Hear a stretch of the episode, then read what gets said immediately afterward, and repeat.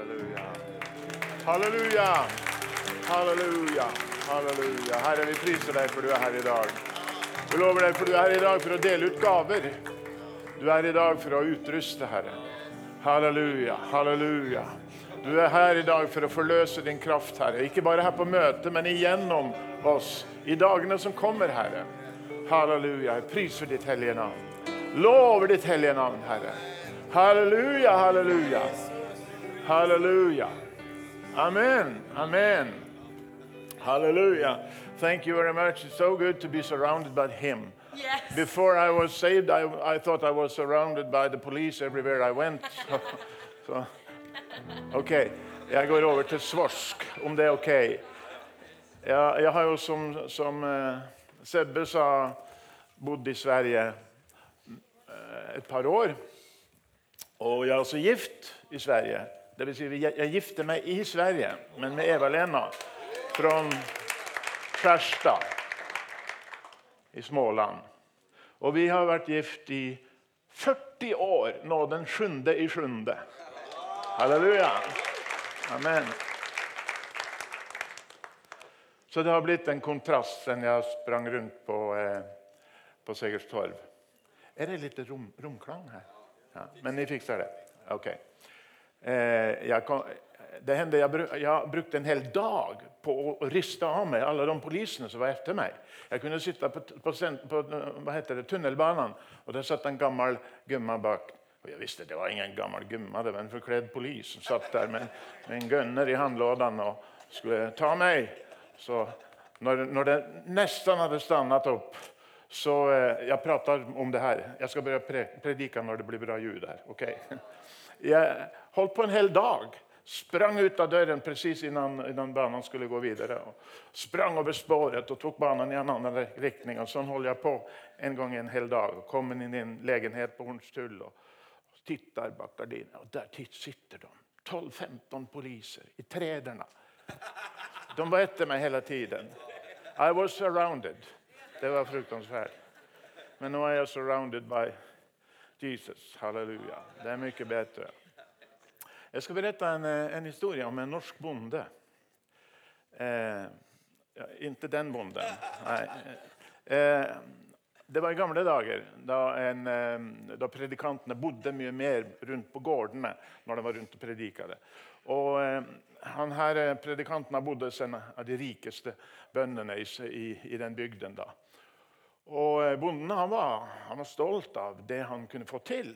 Og Han bare tok predikanten med rundt og viste ham potatisåkrer og eh, og frukttrær og alle mulige ting. Og For hvert nytt område som, som han viste denne predikanten, så sier predikanten halleluja! Tenk hvilken fantastisk Gud vi har, som har gjort alt det her. Og, og bonden han blir mer og mer irritert. Og etter en stund så sier han du skulle sett hvordan det så ut her når han hadde det for seg selv. Og det, det poenget skal jeg komme tilbake til. Men, eh, men, det handler om å gi det nye livet vekstbetingelser. Eh, Sier man det på svensk? Betingelser. Hva? Forutsetninger, ja. Eh, og vi kan gi det gode forutsetninger og vi kan gi det dårlige forutsetninger. Det er opp til oss. Men det er Gud som gir vekst, om vi bare åpner opp for det livet. Eh, når Jesus kom inn i mitt liv eh, Jeg kjente ingenting til Jesus på den tiden. Jeg har vært på søndagsskolen én gang oppe i Nord-Norge en plass. Og da ble jeg slengt ut. Så det var dårlig med påvirkning hjemmefra. Men og Jeg hadde ikke tenkt å bli frelst. Jeg bodde på et hotell i Oslo som het Philadelphia-hotellet. Det var i, i våningen over Philadelphia-forsamlingen nede i sentrum. Og Jeg kommer ihåg visse dager når jeg var på vei ut fra, fra hotellet ned på stan for for å selge knark. Så sto det en gjeng ungdommer der. Og jeg tittet på Nei, jeg så Det var ingen av de her som skulle kjøpe noe knark. Så, men eh, jeg tenkte, hva, hva er det her for stelle? Philadelphia? Det er jo en stat i Amerika. Men det skrives vel ikke med F. Eh, så jeg kom til at det er nok en diskotek for litt mer sånn ungdommer. De var litt finere i klærne enn en, en mange andre. Så, men en dag jeg kom ut forbi der, så ble jeg stannet av to flikker. Og de var jättesnygga. Spesielt hun ene. Hun var en, en åpenbarelse. Så eh, eh, får vi lov å gi deg en kristen traktat, sier de der. Jeg hadde hørt om Romatraktaten, men jeg hadde aldri hørt om den kristne traktaten. Men eh, det var en sånn lapp. Gud er kjærlighet, står det. Og ja, ja, takk, takk, sier jeg. vet du.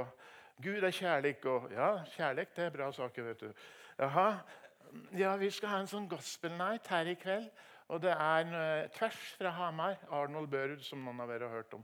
De som skal spille. og Jaha, skal du være der, da? sier jeg. Ja, jeg synger i køren. Ok. Ja, kanskje jeg kommer, da. Så ja, jeg, jeg, gikk på den møten. Da hadde jeg presis satt med fiks nummer fire. Og jeg gikk på opiater, på morfin, på den tiden. Og da blir det veldig sånn. Så, så eh, ja, jeg kommer ikke ihåg alt det her, men Arnold Børud han, han har berettet det her for meg. For han så den der narkomanen som kom inn. Og, og det, det, var fullt overalt, men jeg måtte helt fram til andre benken før jeg hittet en plass. Jeg satte meg ned og, og sovnet og sov halve møtet. Så våknet jeg. Og så kom jeg ihåg Philadelphia. Ja, det har vi jo i Mo i Rana.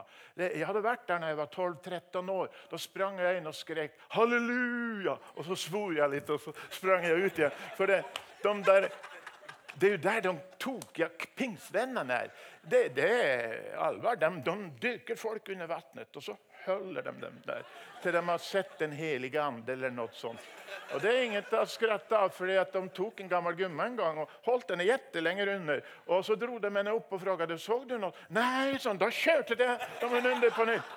Så, det der hadde jeg hørt av noen som hadde hørt av noen som visstnok skulle ha vært der. og sett. Ja. Så, så titta jeg meg rundt. og de så jo helt normale ut, de folkene. Den minst normale av hele forsamlingen det var jo faktisk meg. Og, og så, mens jeg sitter der, så kjenner jeg Wow, for en atmosfære! Og Jeg kaller det vibrasjoner. Det var kjempegode vibrasjoner der inne. Og jeg kjente igjen dem. Vet du hvorfor? For En gang jeg satt på et fengelse på Vestlandet, så kom den gamle gumma og sa får vi gi deg noen kristne bøker. Og Hun delte ut en bok blant annet, av en svensk som het Nico Jonsson. Og jeg vet at hans sønn sitter her. Og eh, Det var noen andre bøker som heter 'Jesusbevegelsen'. Nico Jonsson han, han, så jo litt ut sånn som meg på, på det bildet på, på boken. Jeg tenkte, han der har aldri vært narkoman, tenkte jeg. Men så leste jeg boken, og jeg kjente jo igjen meg selv. Han hadde vært i Stockholm, og jeg kjente igjen presis alt. Og Det var det første frøet som ble sådd. Liksom, jeg ble intervjuet av en tidning, for det var jo litt spesielt at man var narkoman og var i fengsel på den tiden. Så den, Tidningen der nede i Stavanger den frågade meg, eh, den meg eh, eh du, Tror du du noen gang kommer til å slutte med det her? Nei, det tror jeg nok ikke. Jeg hadde planert at jeg skulle bli 30 år gammel. Og så skulle jeg ta en overdose. Jeg ville ikke bli noen gammel narkoman. Det, det skulle jeg ikke bli. Eh, ja, kanskje om jeg blir religiøs eller noe sånt, sa jeg. Og det var det. Og så kjente jeg igjen denne atmosfæren. fordi når, når, når, jeg tenkte på hun, hun, hun gamle gummaen, og også det jeg leste om i denne boken, når jeg leste den boken, så kjente jeg en atmosfære. Og den kjente jeg igjen på det møtet. For en lang historie kort. Det var noen som kom og ba, spør, frågade om de kunne få be for meg, og det fikk de lov til. Eh, så, og når jeg sitter dagen efteråt, så hadde jeg gjort meg ferdig, ferdig min morgenfiks. Eh, bare halv dose ungefär, av det jeg normalt brukte å ta. For jeg hadde tenkt jeg skulle trappe ned meg litt, og så skal jeg se om det er noe i den der Jesus-greien. Og eh, så ble jeg ikke sjuk. Jeg var ikke sjuk. Jeg tenkte, ja, når jeg kjenner jeg blir litt stiv i leddene, og sånt, så, så jeg, da begynner jeg å ta det der. Og jeg ble ikke sjuk. Altså. Jeg ble litt irritert, for jeg hadde jo lyst på den fiksen. men det er litt stas. Nei. Så jeg gikk ned i frokostsalen. Min kamerat, en av dem som solgte knark for meg, sa nå må du, må du forsyne deg, for de tar av bordet her. Klokka var et stykke ut på formiddagen. Ja, jeg kan ikke ete, jeg er ikke frisk, sa jeg. Du ser da helt frisk ut på meg, sa han. Jo, jeg er frisk. Og han titta på meg. Han var fra Bergen. sånn 'Hva er det med deg?' han. og, og, og, og, jeg måtte konfesse det og, og, tilstå at jeg var på et sånt religiøst møte i går. og det var noe bra for Ja, men jeg tror på de greiene der, egentlig, sa han. Og, og, la ut om Gud og Jesus og Den hellige ånd. Og det var ikke måte på hva ikke han der fyren kunne om Jesus. Og, og eh, Ja, kanskje det er han Jesus. Wow. Men jeg visste jo ikke. Men for meg så var Jesus en uidentifiserbar eh, kraft som hadde gjort noe med meg. Og de sa det var Jesus. Ja, det hadde vært kjempebra. Tenk om, om han fins. Det hadde vært stort. Så det her kunne jeg tenke meg å finne ut litt mer om. Og, og jeg, jeg, kom jo ikke inn på det rehabsenteret med en gang, men jeg møtte de her kristne ute på stan. For på den tiden, det var en gang da alle kristne gikk ut på gater og streder og forkunnet evangeliet der ute. og, og, og, de fulgte opp meg. Og jeg, jeg spilte gitar, så jeg måtte spille gitar. og Vi satt der i Slottsparken. og Sånn som jeg kunne beskrive det i dag, så, så, så følger Den hellige ande. Og Det ble en veldig kraft der. En kamerat av meg han ble helatt fra sin lever.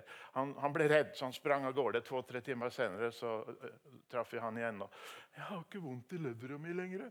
Så uh, det var en sterk atmosfære. Og Da var det en av de kristne der han ble så salig. som vi sier.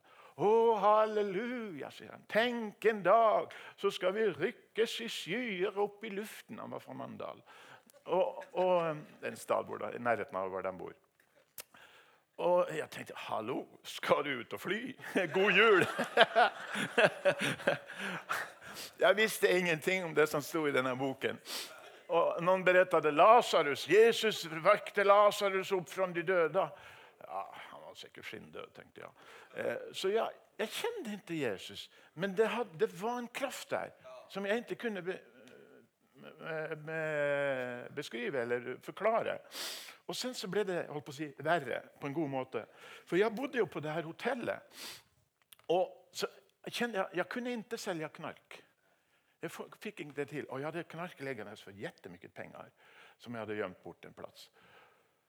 Og eh, så fikk jeg en ny tanke. Du måtte betale regningen. Ja, jeg hadde jo kanskje tenkt bare å stikke av. Eh, bo på en annen plass neste gang. Nei, betale räkningen. Ja, men jeg hadde jo ingen intäktskälla. Ja, jeg får sälja bare noen få poser Ja, det där.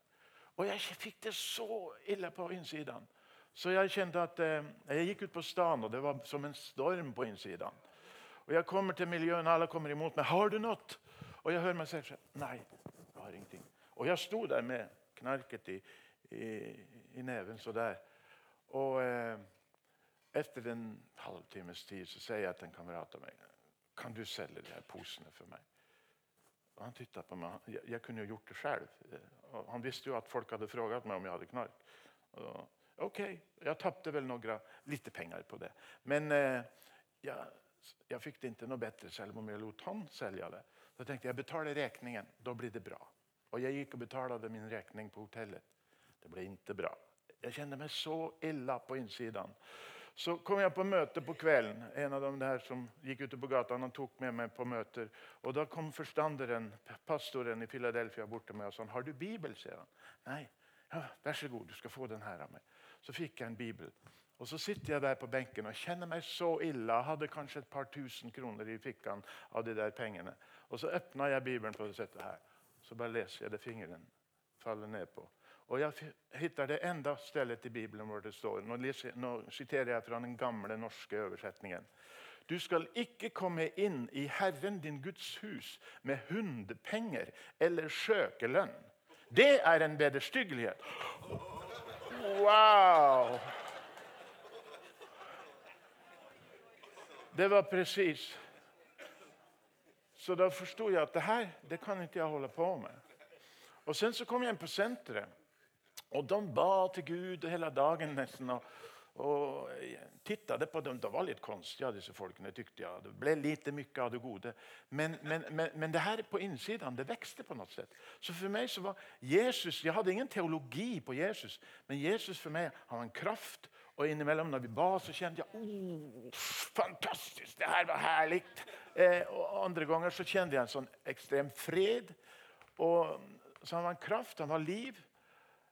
Og eh, han er jo det. Du vet Johannes evangeliet det presenterer oss for den åndelige innsiden av Jesus. I Matteus er han presentert som kung, Markus som tjeneren, Lukas menneskesonen. Mens Johannes han presenteres for han som er fra evighet. I begynnelsen var Ordet, og Ordet var hos Gud, og Ordet var Gud. Ordet ble menneske, ble kjøtt og tok bolig blant oss. Han, I han var liv. Livet var menneskenes lys. Så Han var livet. Han presenterer seg selv som 'jeg er veien, jeg er sanningen, jeg er livet'. Altså Han er kraften. Han er det hele. Og Jeg ble først litt kjent med den åndelige innsiden av honom innan jeg fikk teologien litt mer på plass. Og Jeg forstår også det at når jeg ikke leser Bibelen, så får jeg det ille. Om jag kunde gå en dag eller två, det var ju svårt att göra på det stället där. Men jag kunde vara anfäktad. Jag, kunde, jag blev arg för exempel på en av de andra killarna. Och, och sint och hade lust att göra något med det. Och då fick jag så dålig samvete och då fick jag ingenting ut av Bibeln. Och då kände jag att jag, jag kände mig dålig och svag. Så jag lärde att det nya liv, det är ett liv och det behöver mat. Det behöver omsorg. Jag måste följa upp det. Og, og, jeg måtte klare opp med, med når, når, når, det er krangel og når det er uenighet og sånne saker på senteret. Så ok, det her, det her det seg, og efterhanden så, så opptäckte jeg at denne Bibelen den er jo ikke bare bra. Det er jo masse som jeg ikke tykker om her. Blant annet så eh, den, den blander seg inn i mitt privatliv. Forstår du?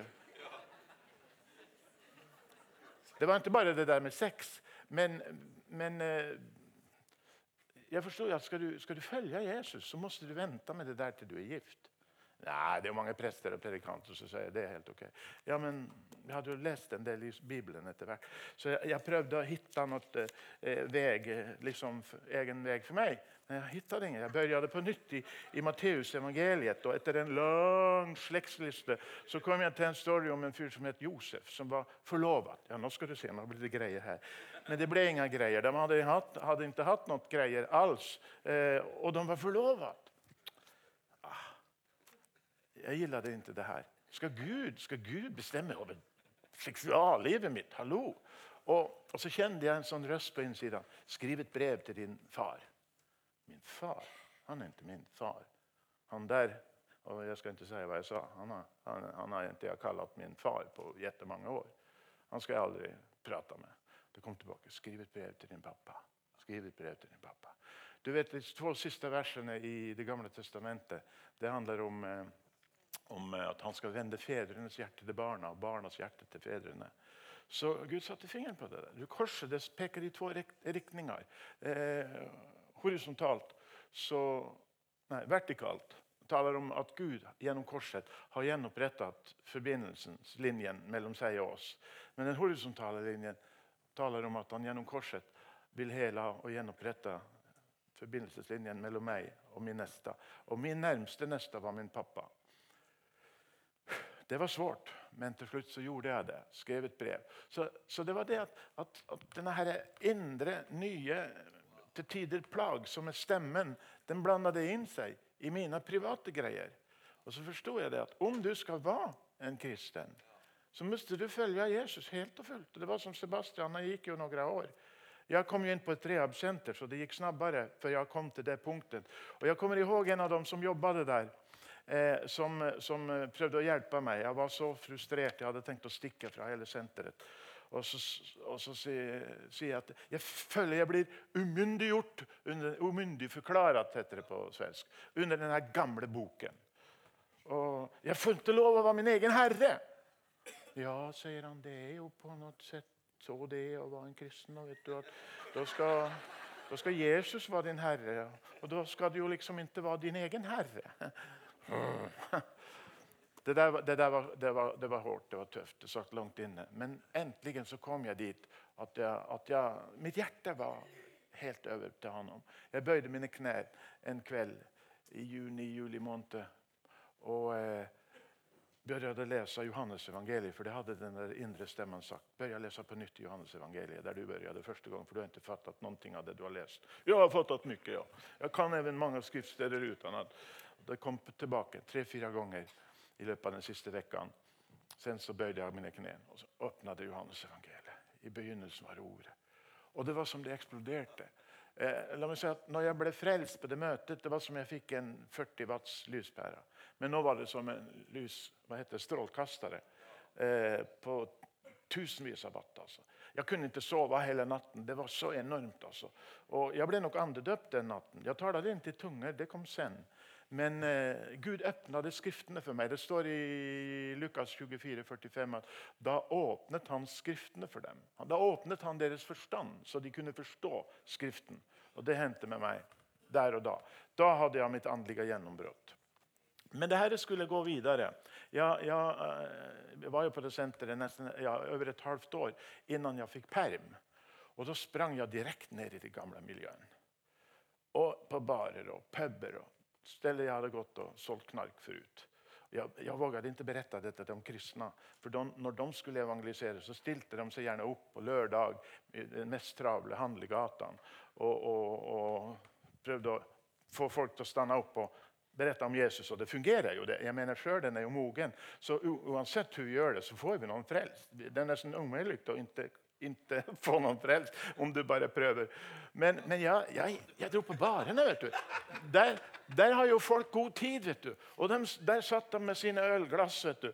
Jeg hadde med bibel i en av fikkene, jeg hadde med traktater og en skulderveske med en sånn kristen gateavis.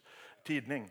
Og, og, og den første frågan jeg alltid fikk, det var Neimen, men hva, hva det som har hendt med dig? Och så berettet de ikke sant? Jesus. og, og jeg, jeg, kommer ihåg en gang jeg satt på en, sånn, et, en av de stedene der, og folk satt rundt bordet, tre-fire stykker. Og jeg sitter der med Bibelen, og de stiller frågor. Og, og eh, så kommer det en full kar. Han var riktig full. Øh, helt der, og begynte øh, attack, att, attakkere meg. Og... äh, pratar dårlig om Bibelen. da, og hadde masse frågor som, som negativt. Blant annet så refererte han til den storyen med tror det er Elisha som eh, noen småpojkar. De kaller han snauskalle. Snauskalle står det i den gamle Bibelen. Og han forbanner dem i Herrens navn. Og det kommer bjørner ut av skogen og river pojkene i, i ikke sant? Det er forferdelig skriftsted, egentlig. Og, og ja, ja, om jeg liksom kunne forklare det. jeg satt der og tenkte ja, du, måste, du måste kanskje bli kjent med forfatteren av boken. Det er liksom han som har skrevet den, han kanskje kan forklare. Og mens jeg sitter der og ror, som vi sier på norsk, så får jeg bare en sånn impuls. Predikant. Jeg tittar på han. Du, du har vært predikant du! Hvor vet du det? sa han. Han ble hvit i ansiktet. Og jeg, jeg, plutselig så var han nöktern. Och, eh, jo, jeg vet ikke det, så, men han som bor i meg, han vet det. Og så fikk jeg mer. Og hur han hadde blitt avfellig og blitt noe bitter og det var noe krangel i forsamlingen. og greier. Så eh, det var bare en formalitet å be med han efteråt. Han ble, Guds kraft traff han. Og jeg visste ikke Og det, det er det her jeg skal fram til nå. Så efterhvert så skal vi eh, forhåpentligvis lære litt også. Eh, men jag, visste ikke at dette var et kunnskapsord ved ånden. Men det var en slags minnelse. Jeg fikk sånne minnelser. Och eh, Det kunne komme i mange situasjoner. Jeg kommer ihåg en gang i Jeg reiste jo rundt på skoler, og det kom en, en dame bort til meg etterpå. en av elevene da. så, 'Å, det var en sånn aura over deg når du sto der og predikade. Og Jeg gillet ikke det, det var noen new age-grej. Aura, sier det var ingen aura. Hvis det var noe, så var det en helig ande. Så, jeg, liksom. ja, så hun, hun, var nå der. Og jeg prøvde å berette for, om Jesus for henne. og ja, Det gikk så der. Sen så fikk jeg brev fra henne. Eh, at eh, det var fint det du sa, og mesteparten av det var helt riktig. Men det der du sier om at Jesus er veien, det er ikke rett. Så. For han er en av mange mulige veier. Så jeg sendte henne en bok med et vitnesbyrd om en kvinne som hadde vært innenfor transcendental meditasjon. Og sen så hørte jeg ikke noe mer fra henne. og det gikk noen år Og så får jeg en telefon. Da var vi nettopp gift, jag och Evelena. Och eh, så var det den kvinnen der. Hun hadde en tumør og hadde vært på Radiumhospitalet. og den var uhelbredelig, visstnok. Hun var på vei tilbake, hun hadde två barn og hennes sambo hadde rest bort fra henne så hun var ensam i verden. Hun sa, 'Jeg trenger Gud. Kan jeg komme hjem til deg? Kan du hjelpe meg å få, få kontakt med Gud? Ja, velkommen. velkommen. Hun kom da. Og jeg sitter der mens Eva-Lena hadde gjort noe te og noe, noe å ete. Vi sitter der rundt et bord. Og jeg prøver å berette om korset, om Jesu død på korset. For jeg vet at kraften fins i ordet om korset. Og jeg kjenner da at hun tenker bli nå ferdig med det der korspratet og be for meg. liksom. Det, jeg trenger jo Gud. Så jeg ber innom meg. Herre, hjelp meg og vis henne korset. Og plutselig så får jeg bare en fråga. Vet du hvem det var sin skyld at Jesus dog? Nei, sønn. Det var din skyld, sa jeg. Det er dårlig gjort. Stakkars kvinne på vei til Radiumhospitalet. Jeg gir henne skylden for at Jesus sto på korset. Jo, sa jeg, det var din skyld. For du forstår det, sa jeg. Gud han, han, han, han, er kjærlig. Han elsker deg så høyt at om du hadde vært den enda menneske på jorden, så ville han enda sendt Jesus for å dø for dine synder. Men om du ikke hadde gjort noen synder, så hadde jo ikke Jesus behøvd å dø for deg. sant? Og Da fikk hun en slags åpenbarelse. Og jeg tror jeg kan si at vi så Guds kraft gå gjennom henne. Plutselig så, så Og Hun kom til Radiumhospitalet, og de fant ingen tumør. Den var borte. Vi fikk Vi fikk eh, julekort fra henne i mange år siden. Hun var litt kunstner, så hun, hun små akvareller. Så eh, det her greiene her det er det som Paulus kaller for åndens gaver, eller gåvor. Det, det tror jeg er noe av nøkkelen til den vekkelsen som vi venter på. Og jeg har ikke bare en teori, det er noe jeg er ganske helt sikker på.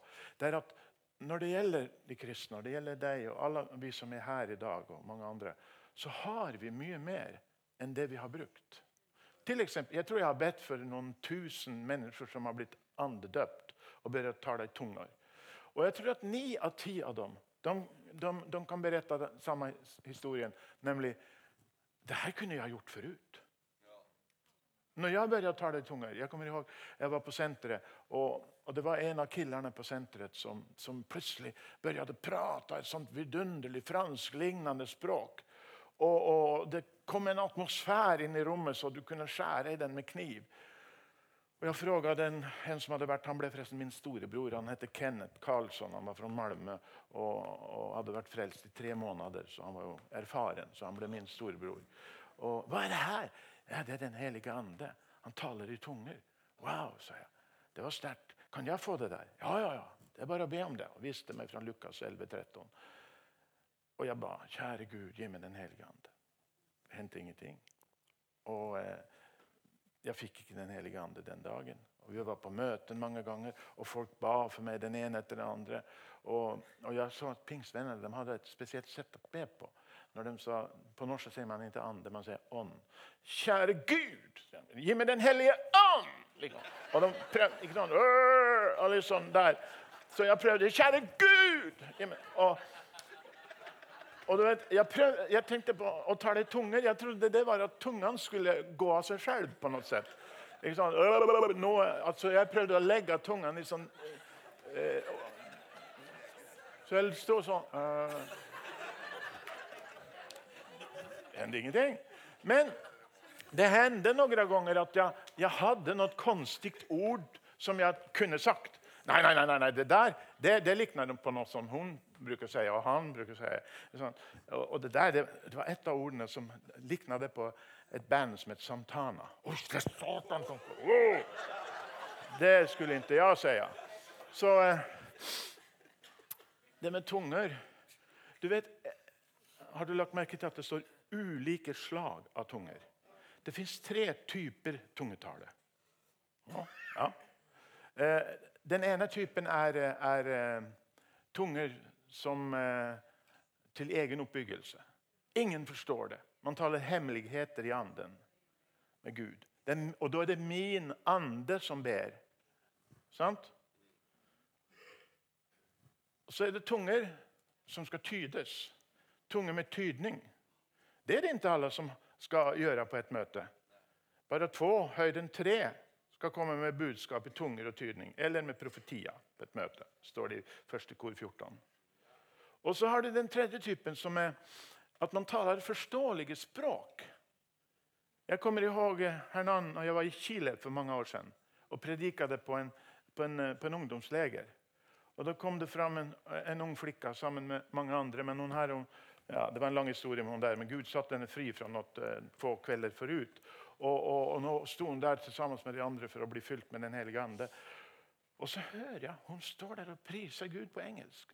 Og ingen av de ungdommene kunne engelsk. I praise you, Jesus. I love you, Jesus. Jeg, wow, hva er det her? Og jeg vinket på de andre misjonærene, svenske og norske misjonærer som, som drev den greiene der. Og de kom bort, og det, de pratet forståelige språk. Det har jeg også gjort, uten at jeg visste det. Men jeg sto på senter en gang, og, og eh, vi hadde møter der. Det her er et par-tre år etterpå jeg ble frelst. Så, så eh, var det stykker, det var også två flickor som kom frem for å bli fylt med Den helige ande. Og jeg började Det var et ganske tørt møte, så jeg ba, ba bare sånn i tunger over dem. Og så hørte jeg to andre flickor som stod bak der og begynte prate med hverandre. Jeg tenkte at de, de er sikkert ikke vant med det her, så jeg, jeg lugnet ned meg. Og, og eh, etterpå så kom de der to flikkene og sa kan du fransk. Uh, nei, nei, Citroën, buljong Nei, jeg kunne ikke fransk. Ja, men du talte fransk. Og, og, og, så vidt vi kunne forstå, så var det helt perfekt uttale, for de hadde en fransk fransklærerinne som liksom forsøkte å lære dem å si det på rette settet. Wow, sa jeg. Gjorde jeg det? Hva sa jeg? Jeg mener, Det kunne jo vært en tilfeldighet. og kunne sånn, Griser kan fly, eller whatever. Altså, men nei, du sa Kjære Gud, fyll dem helt opp med Den hellige ande, og gjør det nå. Wow. Halleluja. Ja. Og det, det her Det her var det de gjorde på pingsfestens dag. Da talte de forståelige språk som folk kunne begripe. Men det er ikke så. Jeg ble spurt om det et, eh, en, av en skoleelev en gang. Jeg hadde undervisning på en ungdomsskole om pingstrørelsen. Og da var det sånn, du, Er det sant at en pingsvenn, om han møter en russer på gata, så kan han plutselig prate russisk? Nei, det er nok ikke så. Det Dette kan du ikke ta det til. Det er på samme sett som et budskap som, med tunger som skal tydes. Du kan ikke bare bestemme deg for å nå kommer jeg med et budskap. Eller en profetia. Jeg hadde en så bra profetia på forrige møte, så nå tror jeg jeg kjører en repris på den. Det fungerer ikke så. Du må få det. Forstår du? Så de tungene som forstås, det er noe som, eh, som, du på en måte må få gjennom en overnaturlig eh, inspirasjon. Og så også tunger som, eh, som, skal tydes. Men tunger til min egen oppbyggelse. Det kan jeg anvende presis når jeg vil. Og Da behøver jeg ingen kraft å kjenne at Gud kommer over meg før jeg kan ta det tunge. Jeg kan gjøre det presis her og nå om jeg vil. Jeg kan gjøre det når jeg, Og spesielt når jeg, når jeg, kjenner, kjenner, når jeg har det ille med meg selv. Og jeg kjenner Gud er 100 mil borte. Han er jo ikke det, men du kan kjenne det så der. Da er det halleluja. Så bør jeg tale i tunger. Og så hjelper det meg inn. Altså, Tunger til egen oppbyggelse det, det, det er et bønespråk som kobler oss direkte på Guds eh, ande. Min ande og Guds ande er ett. Og når jeg ber med min ande, da oppbygger jeg meg selv. Paulus sier jeg skulle ønske at, eh, at alle talte i tunger. Og jeg for min del sa jeg tar det mer i tunger enn dere alle. Så han anvendte det der mye. Men det er tre forskjellige typer tungetale. Og det er forskjellige regler for de tre ulike typene. Og eh, Det går ikke an å spille ishockey med fotballsregler. Ikke sant? Jeg kan ikke ishockey, jeg kan lite om fotball. da.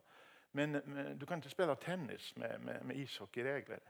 Du skal anvende det på det settet som det, som det er satt opp. Jeg tror det var en som heter TB Barat som sa det sånn at når det gjelder de åndelige gavene, som det står om i 1. Korinterbrev 12, så skal du dyppe kapittel 12 i kapittel 13, som er kjærligheten. Og så skal du anvende det til den orden som står i kapittel 14. Men poenget mitt var at du måtte få kunnskap om det her. Ja, trodde ikke jeg kunne, at jeg hadde fått tunge, tungetalen. Men jeg hadde det. Jeg måtte bare bestemme meg en dag for kjære Gud, om jeg sier noe feil nå, så får du bare unnskylde meg. Og så sa jeg de her ordene. Og Jeg var så fokusert på de her ordene at det var ingen sterk kjenslemessig opplevelse. Men sen når jeg klarte å slutte å tenke på tungetalen og tenke litt på Jesus, det kan jo være bra, eh, og priste han, da, da ble det på på noe sett forløst. Og, og, det har vært en jettestor hjelp. Så er det også med de, med de andre gavene. Vi, vi, vi, bruker ha sånne klasser til sammen når vi, når vi underviser om de her tingene. Så, eh, så for, Er det noen som har opplevd det her? F.eks. evnen å prøve andar. Er det det det står på svensk? Gaven å skille mellom andar. Ehm, jeg skal ikke si at min fru har det, for det er ingen av oss som har de her gavene. Det er ikke våre gaver, det er andens gaver. Han har de gavene. Men det ser ut som noen er mer smurt med visse gaver enn andre. Og eh, Når det gjelder den gaven der, så handler jo det om å, å se gjennom situasjoner. Jeg kommer ihåg når jeg ble medpastor i Salmkirken i Oslo for mange mange år siden. Så var det en, eh, en, eh, en mann der som alle priste. Han, var, han hadde hjulpet til med å få bygd opp kirken og var en mye eh, bra person. Min fru kjente det er noe feil. Det er noe feil med den mannen. Og eh, Jeg visste ikke på den tiden at hun er ganske sterk i det her. Jeg visste ikke hva jeg skulle gjøre med det. Og jeg kommer ihåg en gang Han kommer frem til forbønn, og de alle eldste brødrene Å, velsigne Asbjørn, og velsigne han. Jeg skulle gått bort til han da og sagt at det er noe feil. Det er noe, om, om, du vil, om du, så vil Gud hjelpe deg. Men sen så ble det en stor skandale i Oslo kommune. Eh, det var eh, en vedlikeholdsinspektør i Oslo kommune, og det var denne her mannen, som hadde sammen med noen byggmestere skrevet dobla fakturaer og snytt kommunen for millioner millioner av kroner. Og Det kom også i tidningen at Salem-kirken var bygd delvis med korrupte penger. Nå var det ikke det. Salmkyrkan hadde betalt. Men han hadde skrevet doble fakturaer på Ullevål sykehus for de samme greiene. Det ble en stor skandal og det ble en stor vanære for kirken. Tenk om vi hadde forstått litt mer at, at Gud, Gud, han forsøkte. Han forsøkte å hjelpe oss til å få tatt det her litt tidligere. Men vi gjorde ikke det. Dette er en viktig gåve å ha når man skal bygge forsamling. Det er en del pedofile, dessverre. Tyvärr. Og de søker seg dit til barn. Kristent barnearbeid. Jeg har vært borti en del sånne saker. Hadde jeg vært pastor i en forsamling i dag, og visste det jeg vet i dag, så ville jeg alliert meg med noen Det er ofte kvinner som har det. Kvinnene er ofte sterkere på det her enn en, en, en en oss menn. Så ville jeg alliert meg med noen av dem som har disse gåvene, og sier det er noen her som søker seg inn i barnearbeidet, eller som det her eller der. Er det en Ananias, er det en Safira, eller er det en som virkelig Gud har kalt i det her? Og Da er det ofte de som har denne gaven, de, de kan kjenne forstår du, at det er noe feil. Det er en meget viktig gave for å bygge forsamling. Eh, og Når du hører berettet om disse gavene, så kan du sitte og kjenne deg igjen. Om jeg tar en håndsopprekning og så spør jeg hvor mange av dere har opplevd å få et profetisk budskap i forsamlingen eller i bønnegruppen eller en eller annen plass som du har gitt videre. Hvor mange er det? Ja, Det er nesten halve forsamlingen. Hadde vi hatt tid, det har vi ikke nå, men så kunne jeg spørre hvor får du det? Og så, når du hadde forklart det, så ville noen annen som sitter her, kjent ja, men det der har jeg også opplevd. Men jeg trodde det var bare noe struntprat. Så jeg, jeg gikk ikke ut på det. Forstår du? Så vi, vi må bli kjent med settet Den helige Ande åpenbarer seg. Og vi må ha en troens forventning til at han skal komme med det her til oss. Og da kan vi åpne opp for et mirakel. Jeg kommer ihåg i Allianskirken, min frus hjemforsamling i Skjerstad. Jeg hadde undervist om de her greiene. Og eh, Så ser jeg min fru står og prater med pastorsfruen i forsamlingen. Det var en mye sjenert dame. Jeg tror aldri hun hadde vært oppe på predikestolen og sagt noe offentlig i hele sitt liv. Og Eva-Lena så prater med henne og vinker på meg. Hun har fått et ord, sier hun. Jaha, sier jeg. Hva for ord? Eh, muskel, sier hun. Jeg tenkte, har du ikke noe sterkere? Men jeg, jeg har lært du skal ikke, du skal ikke ringe til begynnelsens dag. Den, den lille begynnelse. Så jeg tok henne med meg opp på predikelsen. Hun har fått et ord, sa jeg. og Hun så ut som hun hadde lyst til å forsvinne gjennom et hull i gulvet. Og hun sier ingenting, helt rød i ansiktet. Hva for ord var det du fikk? Muskel, sier hun. Ja, da formoder jeg at det er noen her som har noen problem med noen muskel. Og da var det lille Jonas på tolv. Han hadde forslått muskelen her. Og Det var en skade, hadde vært hos lekeren, og det, det var vondt. Og det kunne også bli en langvarig plage for han. Så han kom frem, og Gud berørte ham, og han ble frisk momentant der. Og Da kom det tre-fire andre pojker i 12-13-årsalderen stod og tittet på. og Jeg spurte er ni oppfylla med Den helige ande. Måtte säga, vi nordmenn må passe på, for vi sier ånd. Jeg har en kamerat som reiser rundt i Sverige og predikade. Ni måste bli fyllda med den helige and. Mm. Så det her er svårt for oss nordmenn, forstår du? Men det heter altså ande. Det vet jo du. Okay. Og det, De visste jo ikke hva det var. Og Plutselig står det fire-fem pojker i 12-13 års alder og priser Gud i tunger. Og det møtet det løsnet. Og neste dag det her var lørdagskveld, neste dag så sitter mammaen og pappaen til Jonas. De var ikke kristne.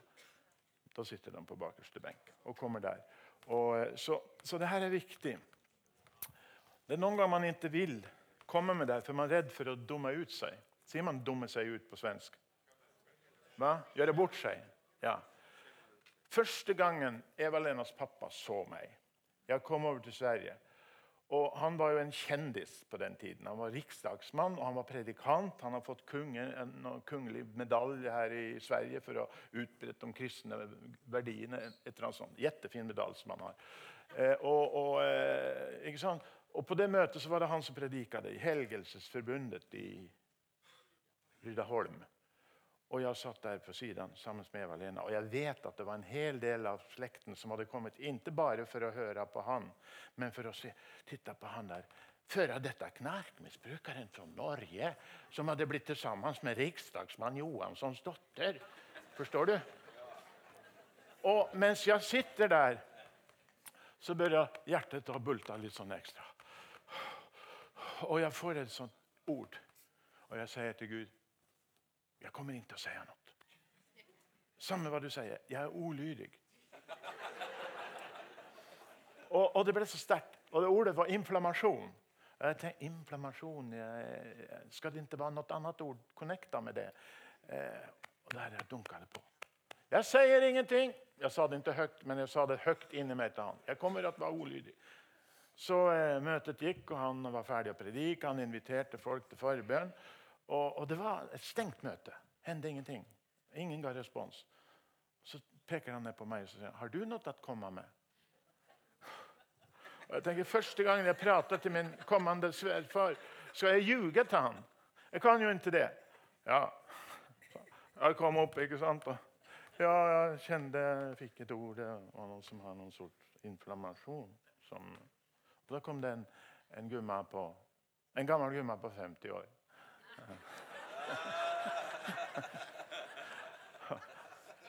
Og hun ble momentant helet. Og, ble, og da løsna det, det, der i forsamlingen. Han berettet Sven Johansson, som han het, hennes pappa, at, at uh, han hadde truffet henne noen år siden. og Hun hadde blitt helet. Og hadde inflammasjon i brystet. Det var mye smertsomt. Så det er viktig folkens, at vi lysner til Han som bor der. At vi lærer oss å samhandle med Honom. For det er sånn han virker i verden. Han, han, er jo her. Hans kropp er jo her. Jeg titter jo på hans kropp nå. Dette var jo Paulus store visjon når Gud eller Jesus åpenbarer seg for ham på Damaskusvegen. Saul, Saul, hvorfor forfølger du meg? Hvem er du, Herre? Jeg er Jesus, han som du forfølger. Og jeg tenker Paulus tenkte at Jesus, lever han? Jeg trodde han var død. Men i alle fall, det er jo ikke han. Det er jo ikke deg jeg forfølger. Det er jo de som kaller seg kristne. Nei, du forfølger meg fordi jeg bor i min kropp. Og det her er noe som, Derfor så sier han, han, han beretter om det her tre ganger i apostelgjerningene. Og bl.a. en gang til kong Agrippa. Og da sier han derfor kong Agrippa, ble jeg ikke ulydig mot det himmelske syn. Les gjennom Paulus brever. Overalt så finner du det her. Vi er en kropp. Han virker gjennom sin kropp. Han bor her inne. I gamle dager så sa man i pingstrørelsen han går mellom benkeradene.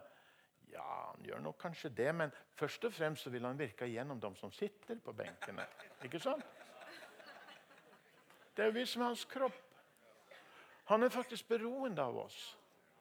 Når Jesus gjorde tecken og under, f.eks. ved Betestadammen, og, og, og ble kritisert for han hadde gjort det på feil dag, på sabbaten Så sier han skyld ikke på meg. Det var ikke jeg som gjorde det, det var min far, min pappa. Menneskesønnen kan ikke gjøre noe av seg selv, men bare det Faderen viser honom. Jeg har tenkt på det. Tenk om Jesus For Jesus visste på forhånd at det ligger en mann der. Og han behøver spørsmålet vil du bli frisk. Ikke sant? Fordi at Om han ble frisk, så ville han jo forlore sin uførepensjon. Sant? Vil du bli frisk? Og eh, Der hadde han fått på forhånd. Tenk om han ikke hadde gått. Da ville ikke det mirakelet ha skjedd. Og jeg tror at vi går glipp av og går miste om masse tegn under mirakler. Fordi at vi sitter og vi, vi skyver fra oss tingene når det kommer. Og når vi gjør det mange nok ganger, så slutter det å komme. Og Jeg tror at dette møtet i dag det er til for at Gud skal forløse de nådegaver som han har, som han har forsøkt å kommunisere gjennom deg. Og framover. Du er en av døtrene som skal tale profetiske ord. Du er en av sønnene som skal tale profetiske ord. Gud vil tale, men han trenger deg. Gud han ser dem som har det ondt, barn som lider. Gud vil krama om dem og være god med dem. Han behøver dine armer. Han behøver din munn for å prate med dem. Og han vil inspirere deg. Og det tror jeg han vil gjøre her, her og nå. Så jeg har lyst til å be at vi kanskje kan be litt sammen. Eh, kanskje jeg kan spørre først eh, er, det, er du her og du, du, du, har fungert i det her forut, men mer enn det du har gjort i det siste. Det har blitt mer stille i det siste. Da har jeg lyst til å be spesielt for deg. Hvem er du? Jeg tror det er flere av dere. Opp med hånden. Gud velsigne. Ja. Dette møtet er for deg. I, I, dag skal Gud forlosse det her i ditt liv. Du skal begynne å kjenne de her profetiske signalene kommer tilbake. Og du skal være lydig. Og Gud er ikke arg på deg fordi at du har vært ulydig noen ganger. Jeg har vært det mange ganger fordi jeg ikke har forstått. Men han vil oppmuntre deg. Amen. Halleluja. Skal vi reise opp oss? Og så kommer du fram, du som kjenner at det her, det her skal jeg inn i. Du er også her som, som har, bedt om å få tungemålsgaven. Men du har jo fått den. Flere ganger så har du kjent det. At uh, du kunne sagt noen ord. Nå I dag skal du komme fram her, og så skal du bare si de ordene til Jesus. Og så skal du kjenne at det kommer mer. For når vi først er lydige mot det som hender inni oss, så kommer det mer. Og det står at vi, vi, vi trener opp våre åndelige sanser ved bruken. står det i Hebreerbrevet 5. Så du skal bruke, du skal anvende det her framfor en. Halleluja. Halleluja. Kan dere spille litt? Ikke, ikke så veldig høyt, for vi skal kommunisere litt her nede. Og så vil jeg be deg, som en kristen, som, som du kanskje også står her eh, Du skal være med og be for noen av de andre. Og så skal du lytte. Kanskje du får et profetisk ord til noen av dem du ber for. Så nå skal vi både ta imot og gi videre. Er dere med på det? Far i Jesu Kristi navn. Du er anden det var du, helige Ande, som reiste vår Herre Jesus opp fra de døde. Og du bor i meg. Du bor i oss, vi som står her. Lover ditt helige navn. Halleluja. Kom, helige Ande. Kom, helige Ande. Kom, helige Ande, med din kraft, med din styrke. Halleluja. Halleluja. I Jesu Kristi navn så forlosser jeg de gavene som du redan har. Det skal komme å fungere. Kom igjen, ni som er med vana å be for folk. Legg hendene på. Forløs. I Jesu navn forløser gaven over deg. Lesa kepelva so to to to Spirito Santo. Halleluja. Leta kapa. Hiche kepe certo. Lo prepe papa. La gamba daya. Yeah. Halleluja. Halleluja. Halleluja. Lata prane me koch.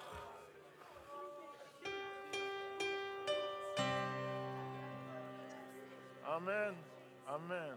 Lesa Pavleve. Kora parto. Malle perto. Lakri pepatta. La barto kutlepra pototo romponto. Halleluja. Du har vært en stridsmann. Og du har også stridt. Strider som inte jag bett om att strida, men du ska strida för mig och du strider också för mig. Så här. Du, är, du är en krigare. Du är en krigare. Halleluja. Jag lägger på dig. Och jag har lagt på dig min ande, säger Herren. Jag förlossar de gåvor som du har längtat efter. Halleluja. Lepra patalia. Jag ber Herre att det kommer starkare. Den där inre förnimmelsen som man inemellan har, har, har upplevt i Jesu Kristi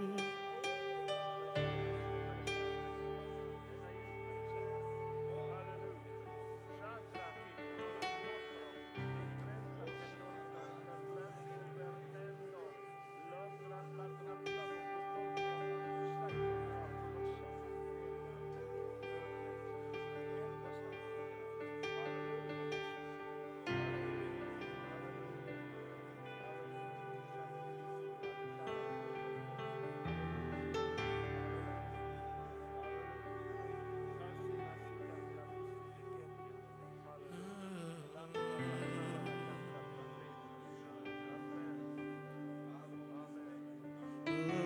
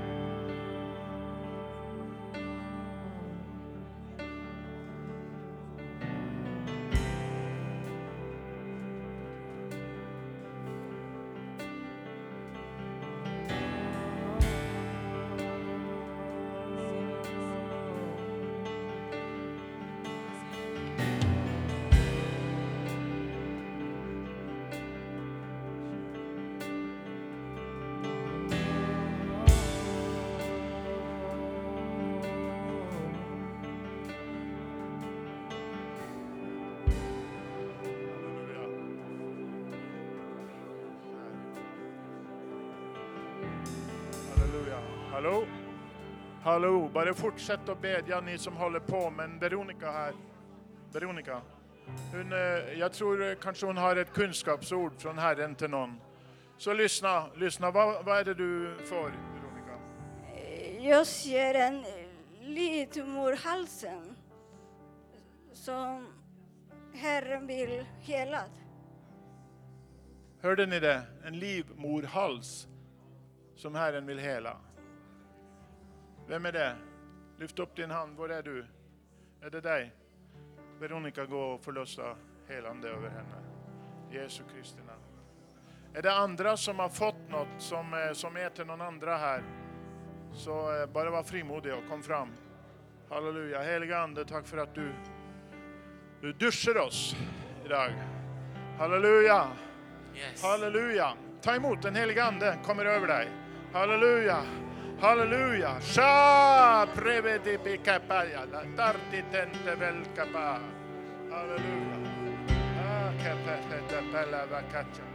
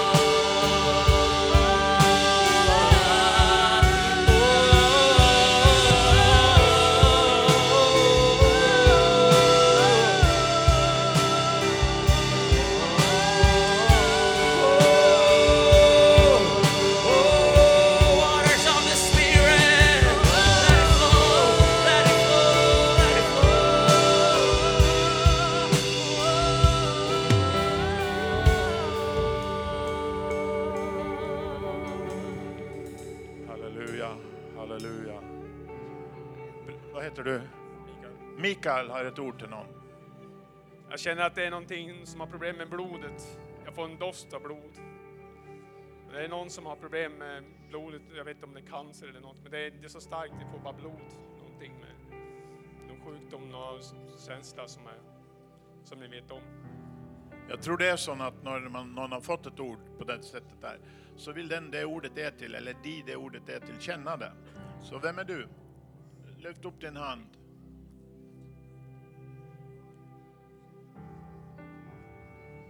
Jeg ser, vi har litt motlys her. Så vi... Skal du komme hit, skal vi be for deg. Har du noe Nej, jag känner bara blod.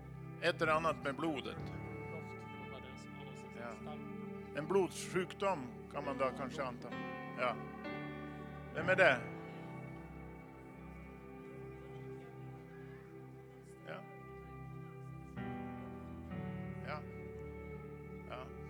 Det kan være flere, men det der skal du bli kvitt i Jesu navn. Halleluja. Kvinner har jo av og til problemer med blødninger, mer enn det som er vanlig. Og eh, det kan være på det planet der, det kan også være enda mer alvorlige ting. Bare kom her, så vil folk be for deg. Halleluja. Vi forlåser helbredagjørelse i Jesu Kristi navn. Halleluja.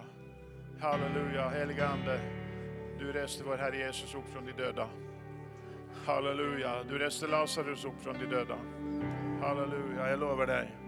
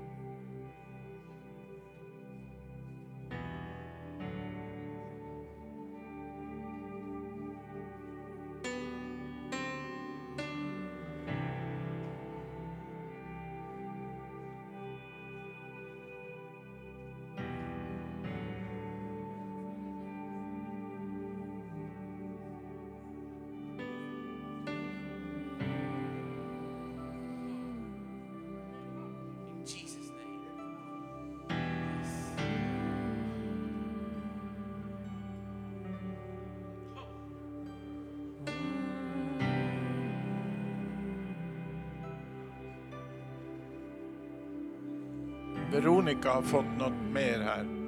Vær så god, Veronica.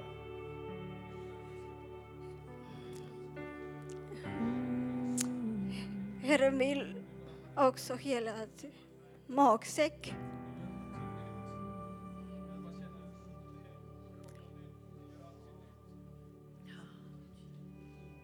Halleluja.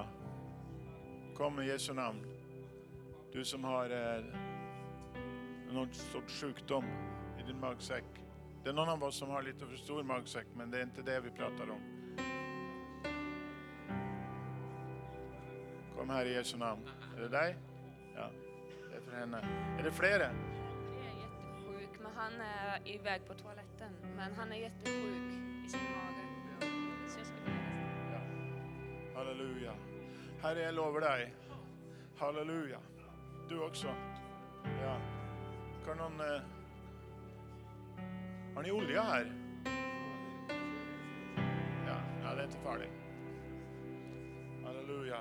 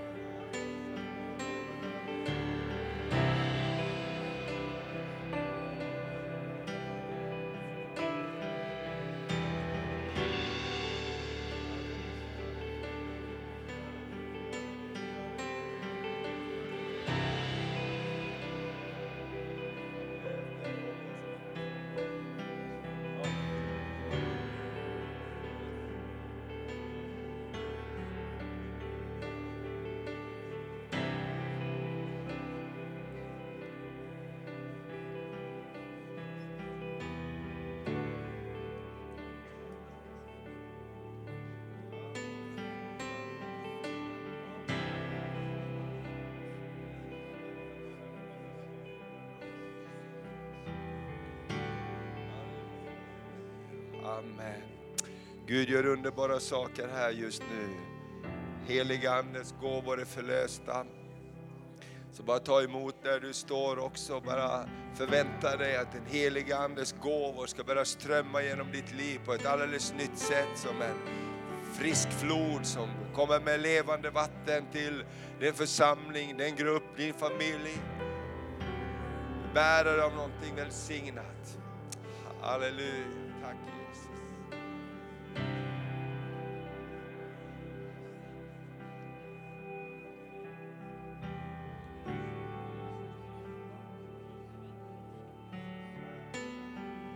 Amen.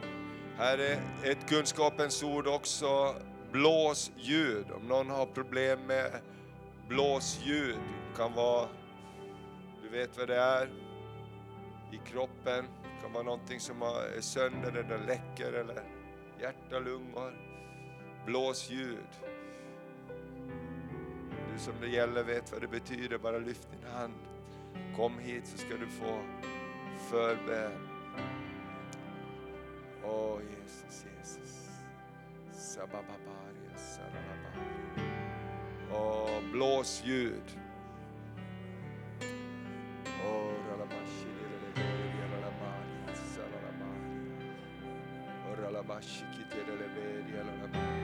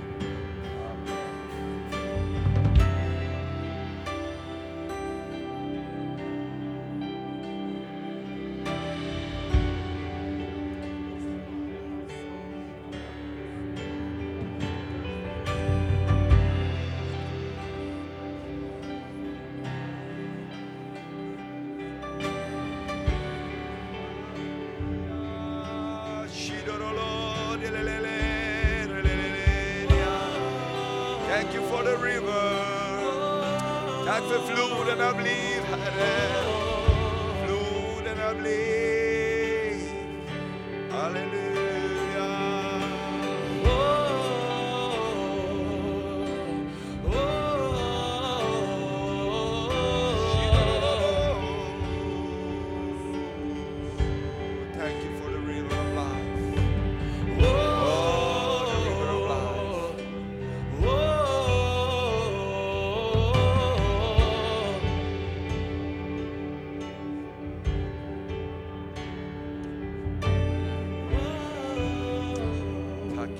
tack Herre.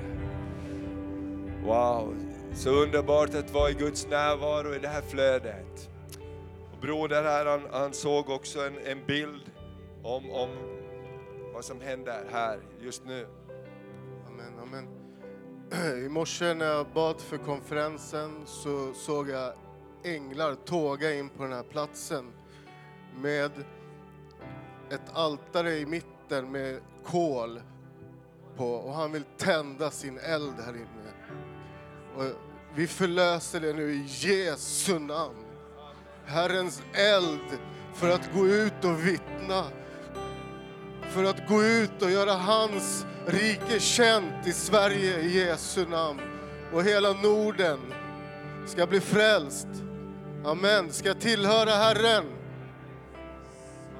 Tack Jesus. Uff, underbart, underbart. Wow. Så fantastiskt att vara i det här, det här flödet. Och eh, vi har sagt att den här konferensen är lite som att vara på ett läger. Eller hur? Amen. Gör ingenting om tiderna flyter ihop lite. Det viktiga är att vi, vi får tag på det som himlen gör och det ström som går ut ifrån Guds och Lammets tron. För det är bara det som, som förändrar. Det är bara det som kan förvandla. Vi gör så här nu att eh, vi är i den här atmosfären och så finns det kaffe där ute och halv tolv, om en halvtimme så fortsätter vi nästa pass när vi ska be för Sverige och Island och Danmark och var i den här anden och vill du vara kvar här så är du bara här och annars går du och tar en kaffe där ute. Så fortsätter vi halv tolv.